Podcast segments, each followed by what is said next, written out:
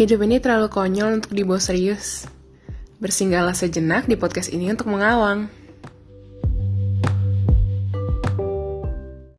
Sebenarnya tuh gue awalnya senior gue ngupload gitu kan di second account dia. Ngupload malam-malam gini. Gila ya hari ini Twitter gue, Instagram gue semuanya isinya Dinda Hal. Terus gue kayak, wah apa nih? Kok gue belum dapet gitu. Instagram gue kan isinya nggak sereceh itu. Gue ke Twitter lah. Anjir.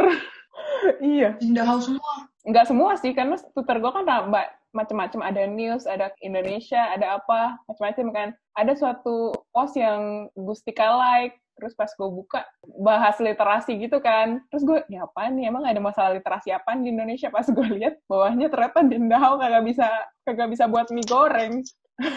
Nggak penting banget pas gue lihat nggak bisa buat yang gue bingung ya, maksudnya gue juga kenal banyak orang yang nggak bisa masak, tapi buat Indomie kan basic banget, boy. Dinda, Dinda, masak mie kagak bisa. Gue gua SD kelas 5 makan mie mulu. Hah? tau nggak Del Nggak tahu. Dinda siapa Enggak. Dinda HW ya? Yang punya halfway kali.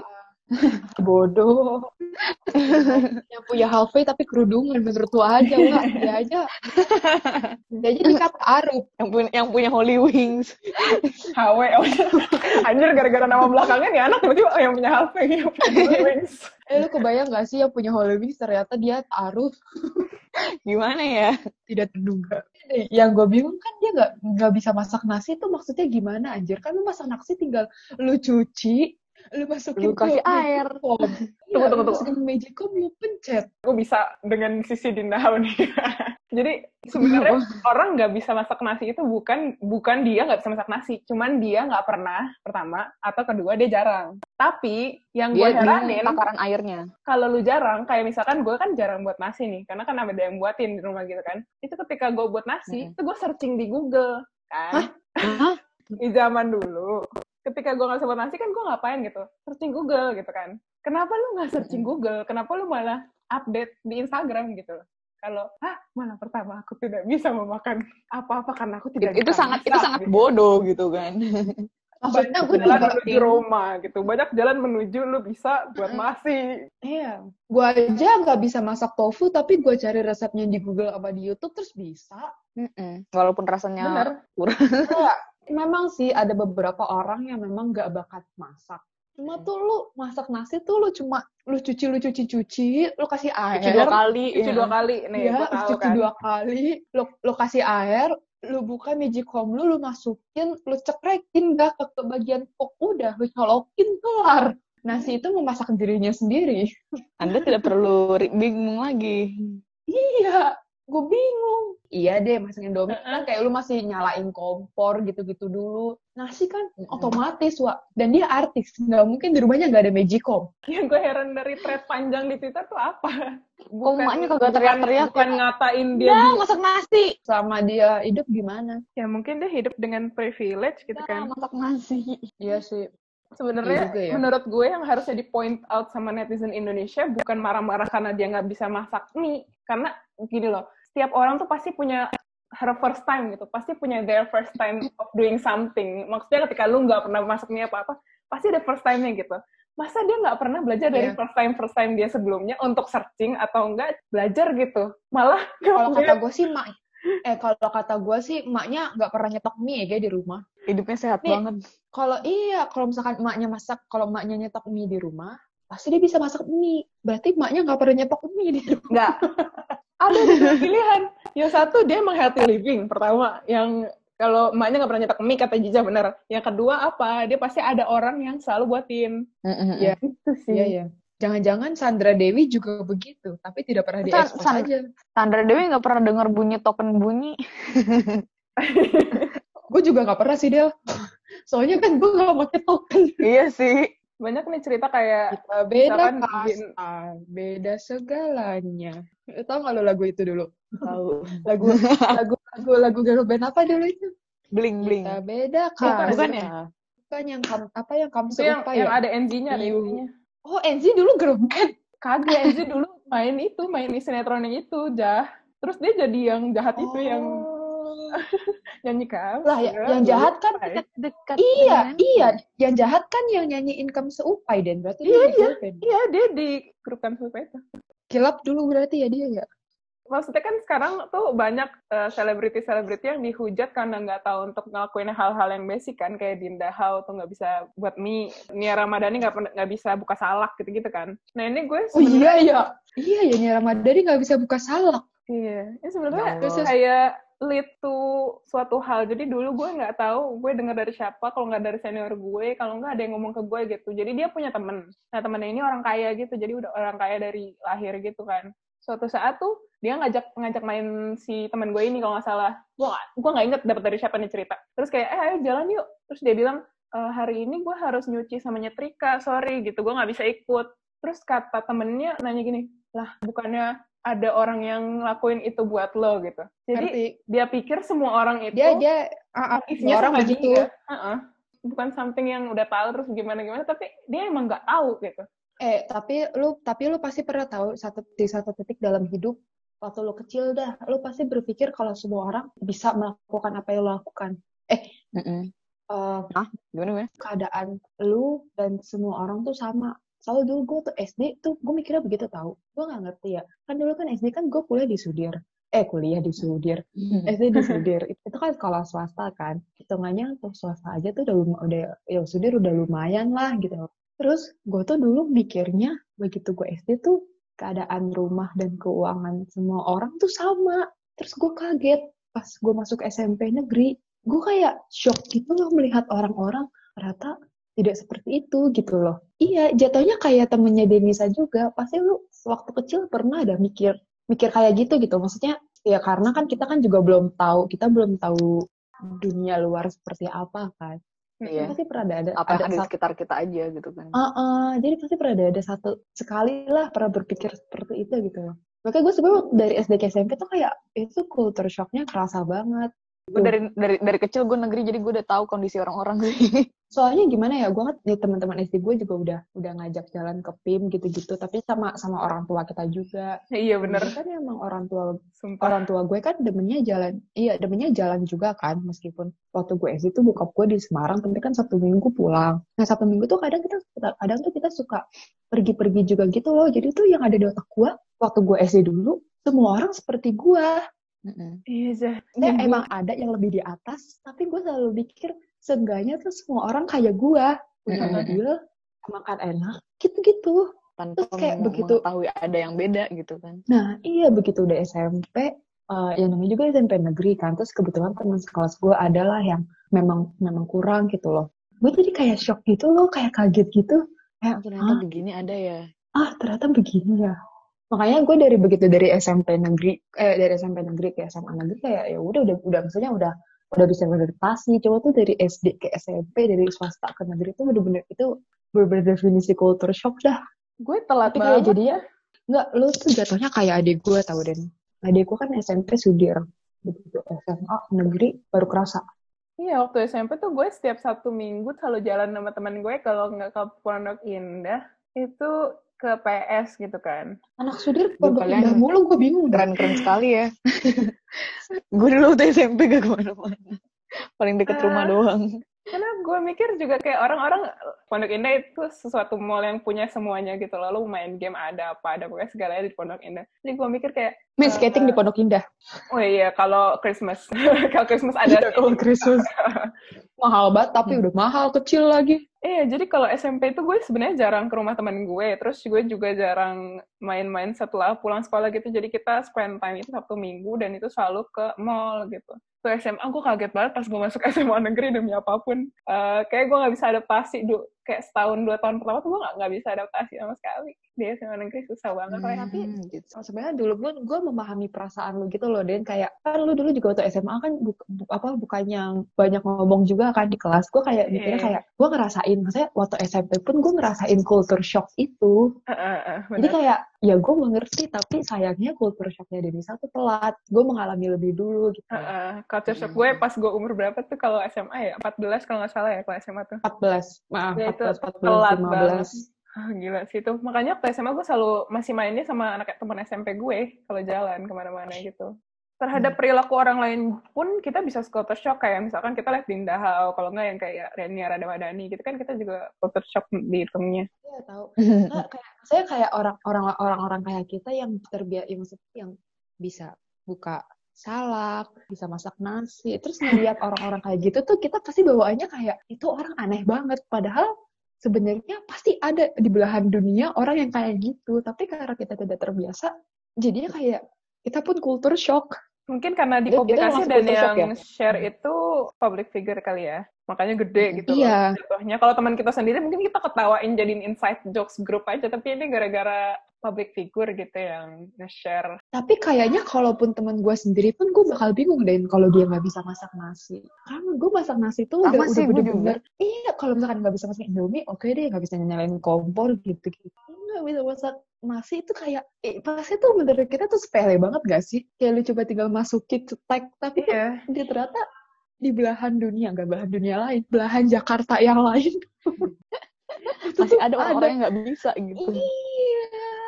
Itu jadi kultur shock juga buat kita ya. Untuk dulu tuh ada juga yang Nagita Slavina buat telur ceplok itu asik juga sih maksudnya headline newsnya pas gue baca.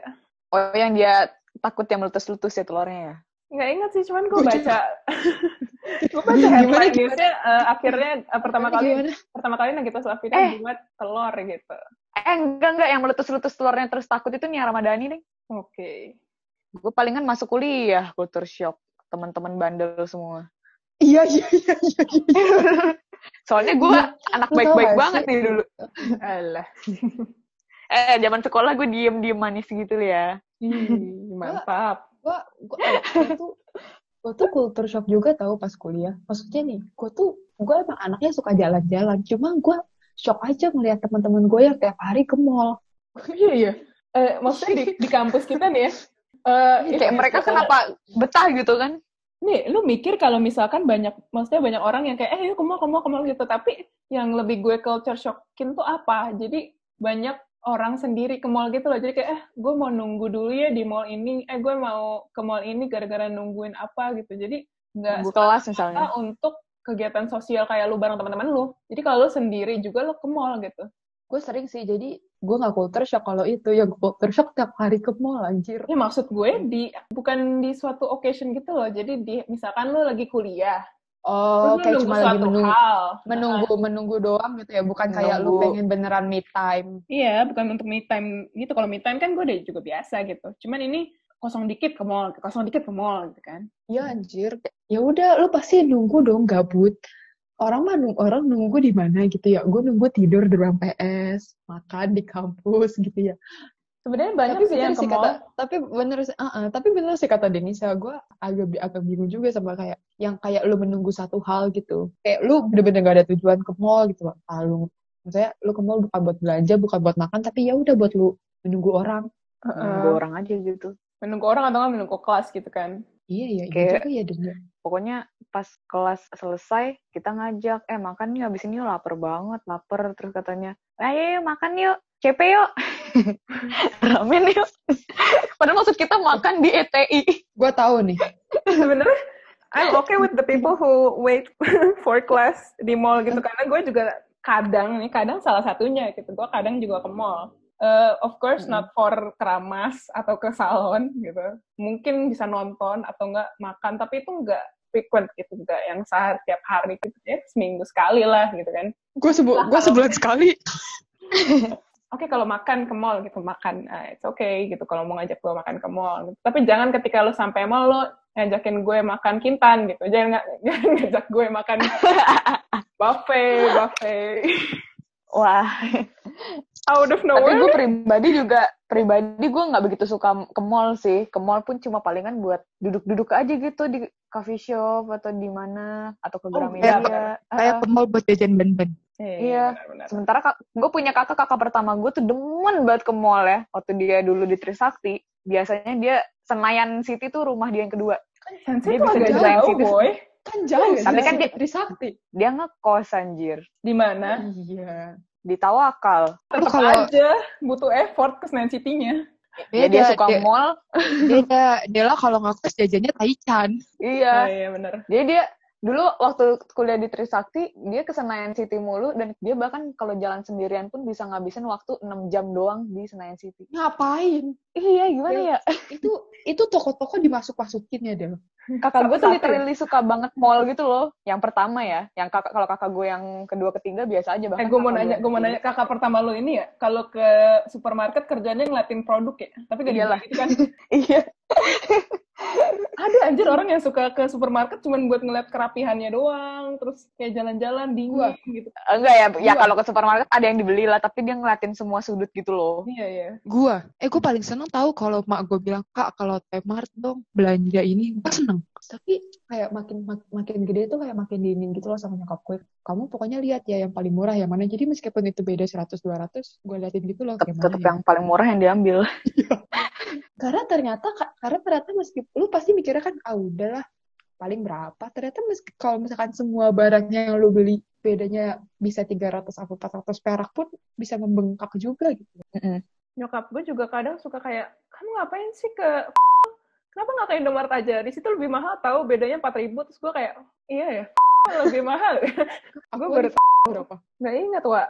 Tapi kata nyokap gue tuh kalau produk tuh bisa beda Oh. 3000 sampai 4000 gitu. Oh gitu ya? Bisa sih. Oh, gua gua inget culture shock gua terhadap Aqua Kenapa? waktu di Sevel Singapura. Oh gimana tuh? Oh iya.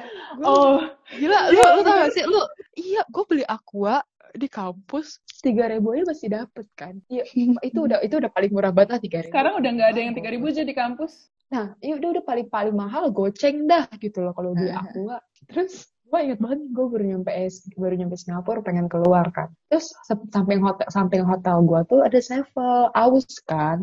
Nah tadi tuh salahnya kenapa kita nggak ngambil air minum yang di kamar. Iya, mak gue bilang ya udahlah beli aja di Sevel. Belilah Aqua dua setengah dolar. Di mana kalau dirupiahin adalah dua puluh lima ribu. Aku di Singapura itu Air minum doang. Air mineral yang paling mahal. Iya, iya. Jadi itu- mendingan lo itu- beli itu- brand lain. Nah itu waktu itu kan gue nggak tahu deh lah gimana ya. Yang gue kenal selama ini di Indonesia adalah Aqua. Aku ah. Aqua, aku udah paling enak gitu loh. Maksudnya dibandingkan ah, merek lain gitu. Lah tiba-tiba ya di sana kepikiran ngeliat mungkin insting kali ya. Insting kita ke bawah terbiasa beli Aqua di negara orang ngeliat ada Aqua ya udah ambil aja gitu loh. Daripada- beda. Iya, sebelumnya kan gue dari Kuala Lumpur juga kan, dan harganya tuh harganya tuh sama kayak di Indonesia gitu. Misalnya dari dari ringgit kalau dirupiahin, ya mentok-mentok enam ribu lah. Terus tiba-tiba lu beli aqua dua puluh lima ribu, itu kultur shock wa. Besokannya kagak beli lagi aqua, belinya yang lain. Lo nyobain itu nggak jadi di, di Malaysia? Nyobain Coca-Cola rasa vanilla, lo nyobain nggak? Eh enggak, emang ada. di mana? Sayang banget, wah. Di mana? Di mana? Di market apa pun, di, maksudnya di minimarket apa pun ada. eh, Coca-Cola rasa vanilla. Ah, Gue pernahnya minum yang teh Jepang bening tapi rasanya Teh sama rasanya ada teh. ada juga kopi Jepang bening, Heeh. Del. Oh iya ya, Jadi kayak air kayak putih, tapi pas diminum kayak air putih Iya, tapi rasanya teh. aneh banget. kayak mind blo- kayak mind blowing gitu.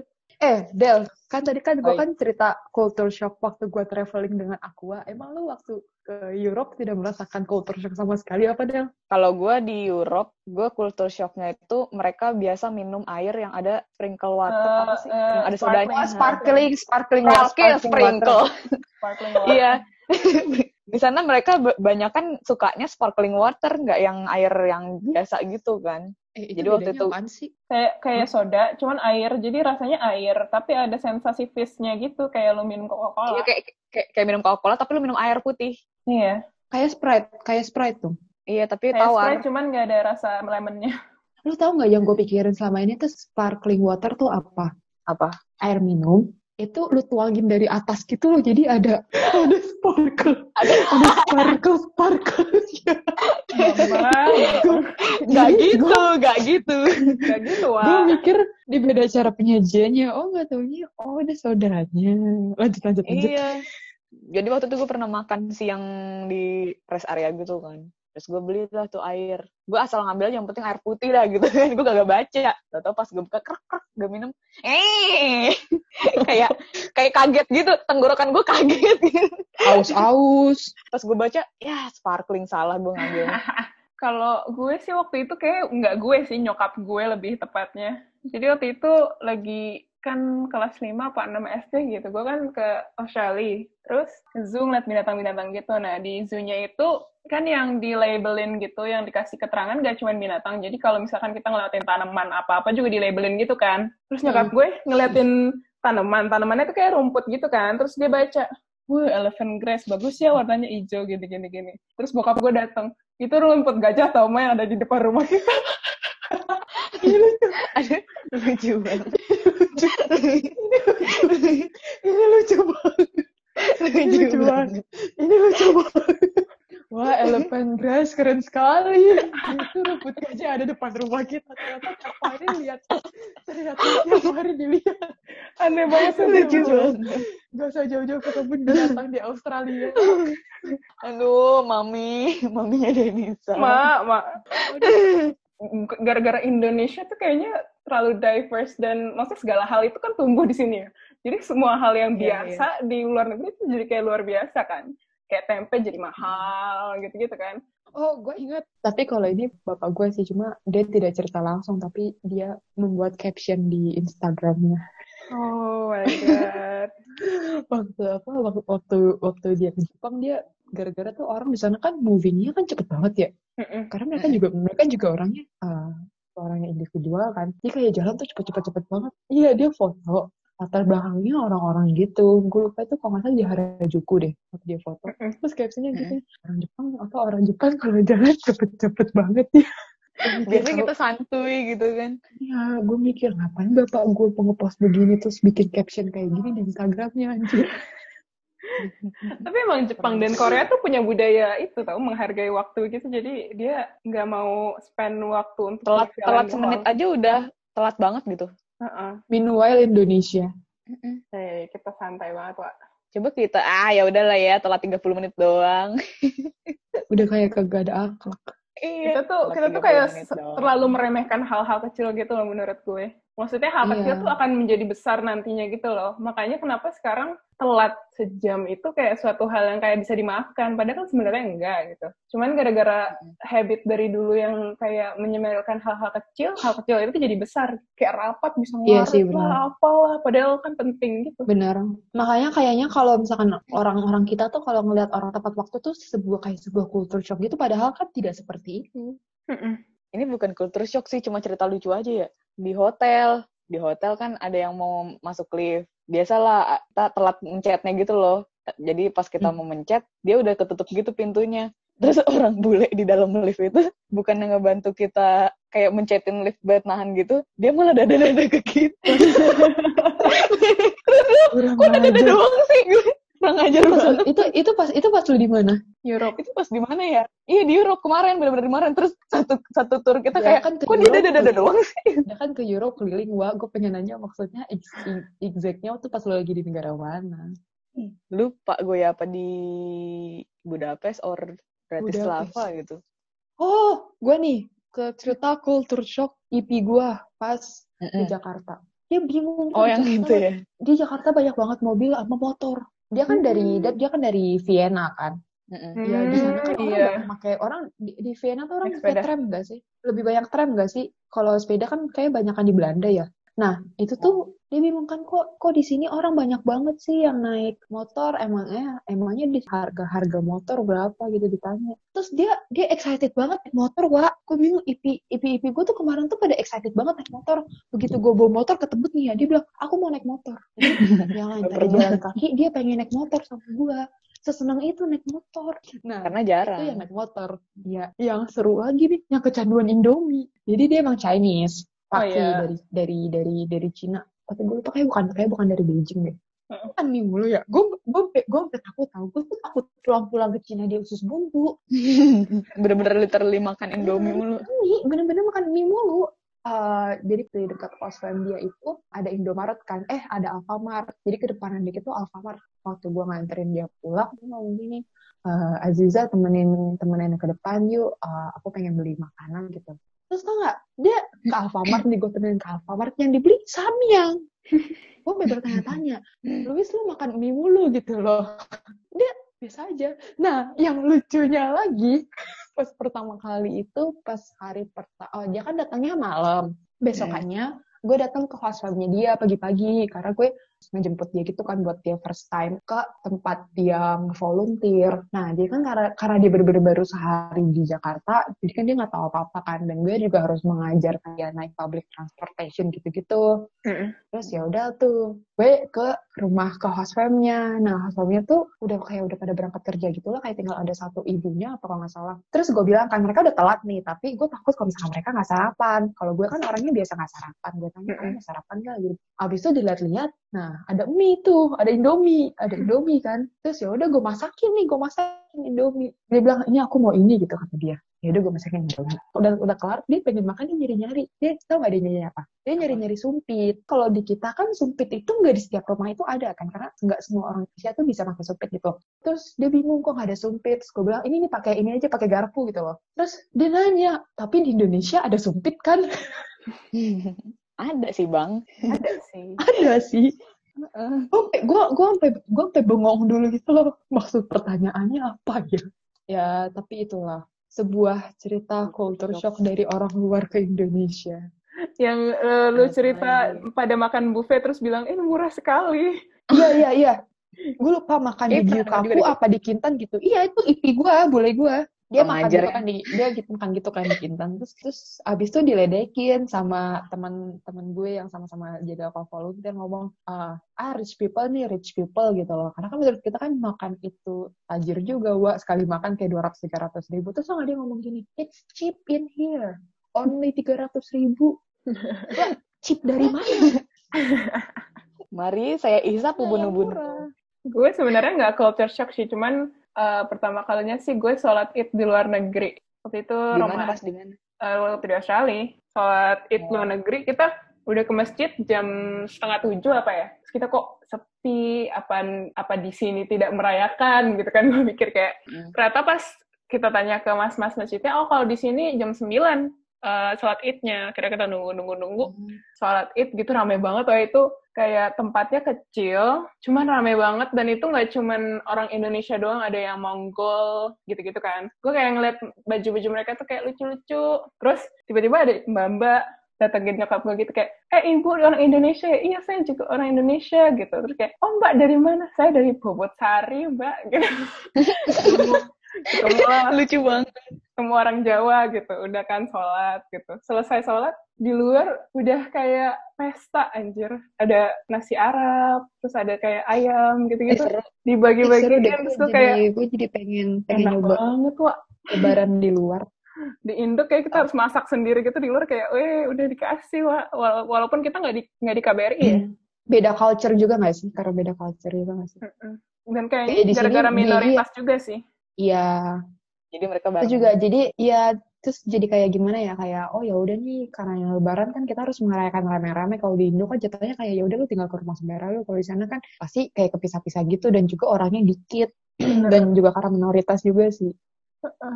Pengen deh coba lebaran di luar negeri ya. iya sama. Gue juga pengen deh Lo kalau mau lebaran di luar negeri berarti lo harus puasa juga kan di luar negeri. Gue juga kan puasa. ya enggak jangan Enggak deh, pas mendekati lebaran aja. iya iya mendekati lebarannya aja. Kayak Lebarannya sekitar aja. sekitar dua minggu gitu puasa dan itu lagi musim dingin banget. jangan di Nordik aja itu berapa jam sih? Kayak bisa seharian 20 gitu ya? jam kok nggak salah Udah, udah ya, capek. mataharinya terik, tapi dingin gitu kan bingung lo ya. Kalau menurut gue Yang tuh itu ya, yang udah jam Indonesia 7 udah, pun. udah apa udah pas banget dah kalau misalkan ini Puasa. eh. eh di waktu waktu puasanya tuh udah pas banget kayak nggak nggak nggak kebanyakan dan nggak kedikitan Kalau di luar negeri tuh bisa yang dia jam 7, udah jam 7 malam tapi masih terik gitu loh. Ja- Singapura kan begitu nggak usah jauh-jauh negara tetangga kita aja begitu Karena oh iya sih yang yang yang di yang Dela bilang culture shock di kuliah temennya macem-macem gue tapi tapi gue bener-bener juga bener-bener baru ketemu orang yang macem-macem tuh pas kuliah gitu loh gue Iya. tuh sampai sampai gimana ya saking saking udah menemukan orang dengan cerita macam-macam kalau misalkan teman-teman teman teman-teman SMA atau teman-teman gue yang lain tiba-tiba cerita gue tahu tuh pasti ada orang begini gini gini gue sampai udah kayak gak heran lagi Iya, kayaknya Mm-mm. tahu orang kayak gitu setidak ada Oh, akhlaknya tahu orang orang tuh udah seperti ketemu itu. gitu loh semuanya gue. Udah udah ketemu gitu.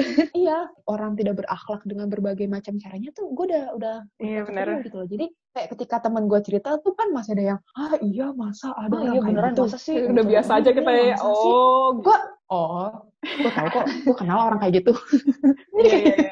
iya. Benar-benar.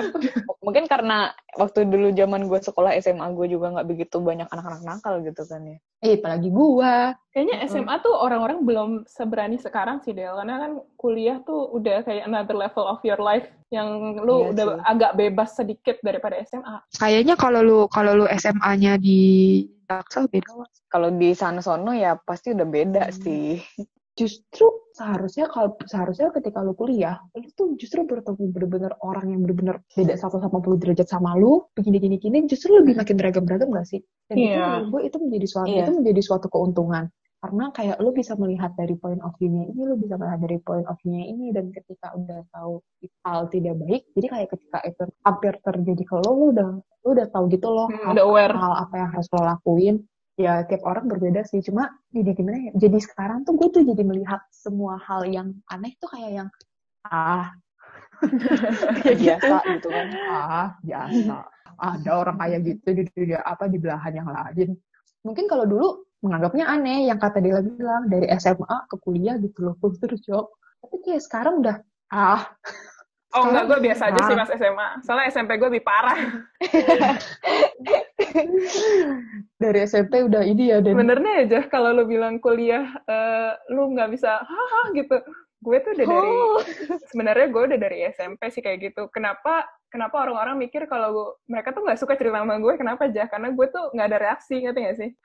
Karena lu udah pernah nyobain semua, eh udah pernah tahu semuanya. nyobain lagi enggak. Maaf salah ngomong. Entah kenapa dari SMP itu gue udah terbiasa denger cerita orang-orang gitu kan. Gue tuh nggak ada eh, ekspresi apa-apa gitu kalau mereka cerita. Gue cuman kayak, oh gitu. Karena gue menurut lu bisa itu mendukung bukan- secara emosional, gue nggak bisa mendukung secara, ih gak apa-apa, bla. Gue orangnya kan nggak kayak gitu ya. Gue pasti ngasih langsung, lu harus gini, lu harus gini, lu harus gini. Gue pasti ngasih jalan lu keluar gitu. Gue nggak yang kayak, oh kasihan ya lu, gitu. Gue kayak gitu orangnya. dan dan itu kayaknya karena ini juga dia maksudnya kayak jadi karena lu sudah sudah melihat hal-hal tersebut karena hal yang aneh ya lu tidak ada reaction kayak yang oh Oh, gitu loh Masa sih? ah masa sih gitu Iya. mungkin karena kayak ah Oh gitu. Oh, oh Tidak. gitu. karena Terus, karena terus, sudah terus, gitu kan. sudah eh, sudah ah jadi tidak hah Lucu sih ini. ya ya juga ya. Gue baru sadar tahu nah sebenarnya tuh kejadian juga Den kayak ke gue waktu itu.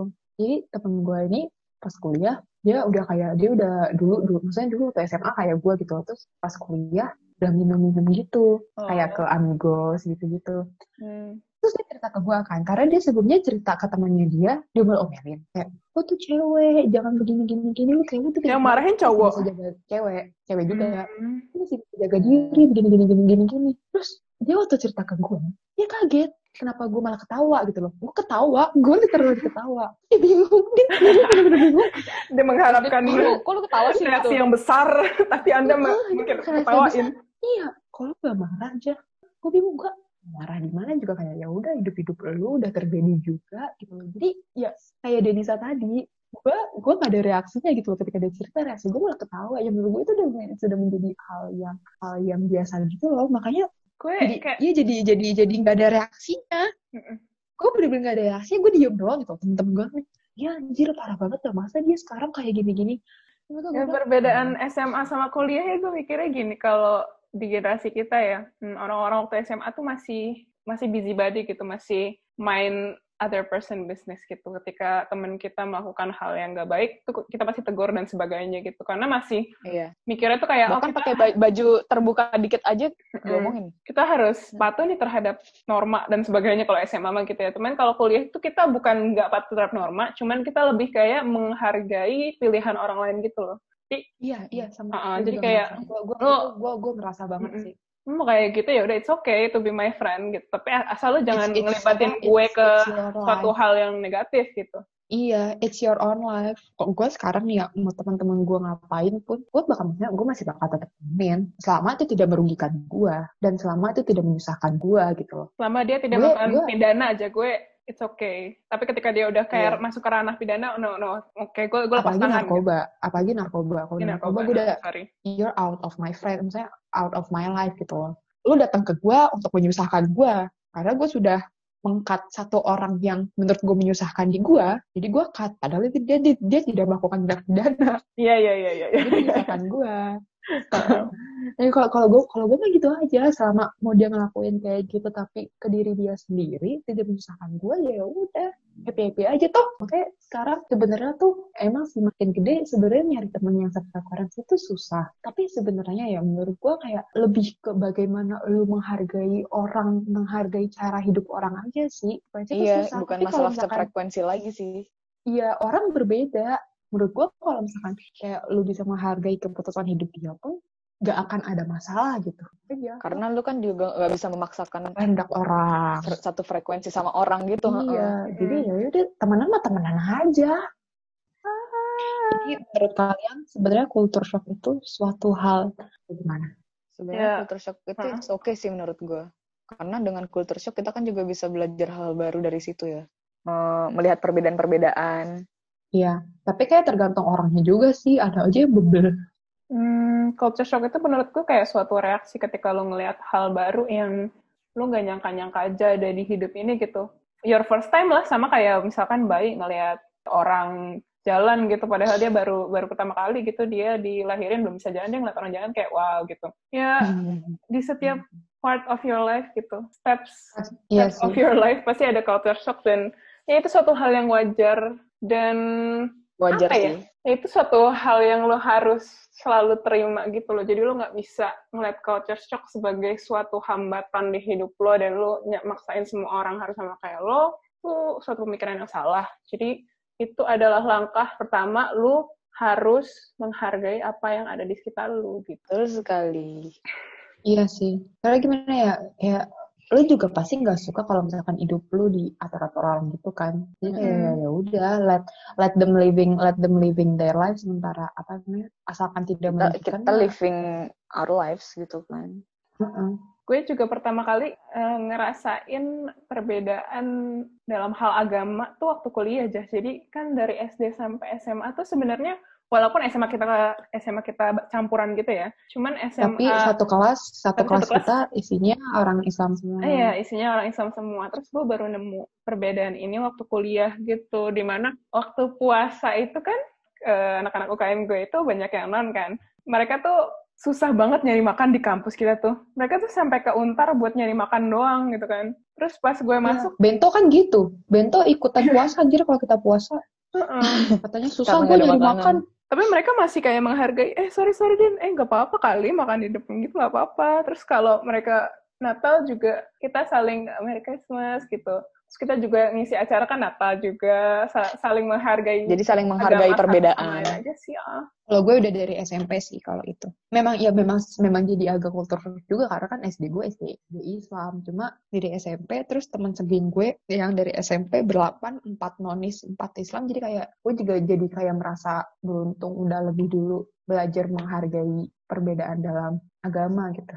Tapi Mm-mm. satu hal yang gue Jadi- salutin dari UKM gue ini ya, kan kalau misalkan kita LK apa kayak latihan kepemimpinan, itu kan Iya. biasanya hanya agama kita yang dihargai, bukan, bukan ya?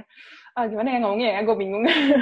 Jamaah. Ya, maksudnya Ah, uh, eh, a- oh, yang bersangkutan jamaah. dengan agama pasti yang diutamakan agama kita Ya, gitu. ah, yang eh, bersangkutan dengan agama yang diutamakan pasti kan em, agama mayoritas gitu kan di Iya. So, negara iya. kita. Lucu aja gitu kalau pas kita sholat subuh mereka tuh ibadah juga di atas sambil main gitar gitu. Jadi gue pertama kalinya tuh gue ngerasa kayak hangat di suatu perbedaan gitu loh. Oh enggak, gue dari dulu kayak gitu Hmm. di SM, di SMP gue. Kalau gue, kalau gue lebih ke circle gue sendiri, kayak kemarin teman gue, uh, dia Katolik, tapi waktu kita Lebaran dia pada dia dia ngirimin hampers buat kita kita. Kan orang juga pada bilang kan sebenarnya kan nggak boleh ngucapin selamat Natal gitu-gitu kan. Iya. Kalau gue sih lebih ke kayak ya selamat merayakan ya buat kalian gitu loh. Karena kan Mm-mm. karena kalau Lebaran mereka juga pada Selamat, ngucapin gitu. selamat loh. merayakan Iya, bagi yang menjalankan. Kalau Lebaran tuh mereka tuh suka ngucapin. Terus kalau misalkan kayak lagi puasa nih suka ngingetin kalian pada puasa nggak gini gini gini kayak kalau kalau sekarang kan kayak udah lebih ke ya udah urusan masing-masing gitu loh kalau dulu tuh kalau lagi mau pergi nih ditanyain kalian udah pada sholat belum kalau belum ya udah gitu kalau misalkan kita mau sholat ditungguin kalau gue Ah. dari dulu udah alhamdulillah udah ngerasa gitu sih. Bak- Alhamdulillah sih. biasa gue Uh, bahkan itu. bahkan le- lebaran kemarin itu pas lebaran yang covid ini kemarin covid kan ya lebarannya ya Uh, Ya. itu banyak uh, mutual gue, teman-teman gue itu banyak yang ngepost. Ini post loh, bukan snapgram. Ini post. Uh, captionnya selamat hari raya untuk teman-teman aku yang beragama Islam. At at at at at. Sumpah, gue gue terharu banget loh. Padahal dia non Islam, cuman dia kayak ngepost dan ngetek semua temen dia yang Islam. Gue Oh, juga kemarin pas lebaran yang non Islam malah ngucapin dulu. Iya. Iya, gue juga. Ya, sebenarnya tuh hal-hal kayak gitu tuh harus menjadi, harusnya itu menjadi sesuatu yang indah. Gak usah Iya. dipermasalahkan gitu. Bagaimana lu menjalankan agama lu sendiri. Bener ya. bener bener. Ini lucu sih waktu gue SMP ya. Waktu itu kan LDKS OSIS ya. Mm-mm. Terus subuh eh, biasa kalau yang Islam jamaah, yang Kristen ibadah lah ya nyanyi ibadah. gitu. Tapi waktu itu gue lagi nggak sholat, jadi gue nggak ikut jamaah. Jadi anak-anak pada jamaah, gue di ruangan bareng sama temen-temen yang non gitu kan. Terus kakak kelasnya ngomong ke kita kita, eh ayo deh, ayo deh kita doa, kita doa dulu yuk, doa dulu gitu. Terus gue di sana masih lugu gitu kan. Gue kira gue diajak doa juga, maksudnya doa biasa gitu. Hmm. Taunya doa nyanyi. Jadi gue kayak, Hmm. eh, ayo doa, ayo doa, ayo doa. Gue lah gue yang ngajak doa gitu loh. ayo doa, ayo doa. Eh taunya mereka nyanyi anjir. Bingung dong lu. Iya. Gue bilang, eh ini nyanyi ya kak ya? Maaf ya kak ya, aku nggak tahu. Kalau gue, wak- jadi waktu gue playgroup itu kan gue di suatu uh, playgroup yang umum gitu. Uh, suatu hari nyokap gue, waktu itu kan nyokap gue belum pakai kerudung ya, udahlah tiap hari dia nganterin gue dan sebagainya. Suatu hari nyokap gue datang ke playgroup gue, dia baru pertama kali pakai hijab gitu kan dulu. Terus ketemu gurunya, eh ibu iya, lah ibu Islam gitu kan. Oh ibu Islam. Saya nggak tahu kalau ibu Islam selama ini Denisa kalau kalau berdoa selalu tangannya di Caranya. kepal gitu kan. Padahal dari dulu gue udah belajar agama gitu. Cuman kalau di kalau di playgroup gue, gue, gue kepalan tangan. Tapi gue doanya doa baca gitu. Kayak Bismillahirrahmanirrahim gitu-gitu. Tapi tangan gue di kepal. Terus kayak, oh enggak, ini Islam gitu. Tapi gue dulu waktu SD ngelihat teman-teman gue yang non Islam ngepalin tangan, gue juga ikut-ikutan juga. Iya kan? Ngapain sih? Iya kan, gini? bener. Mereka ngapain sih kayak gini? heeh. Jadi gue ikut-ikutan. Kok beda sendiri? Aja Iya. apa aku berbeda. Tapi itu gue ngikutin karena gue nggak tahu. Hmm, gue juga nggak tahu sih.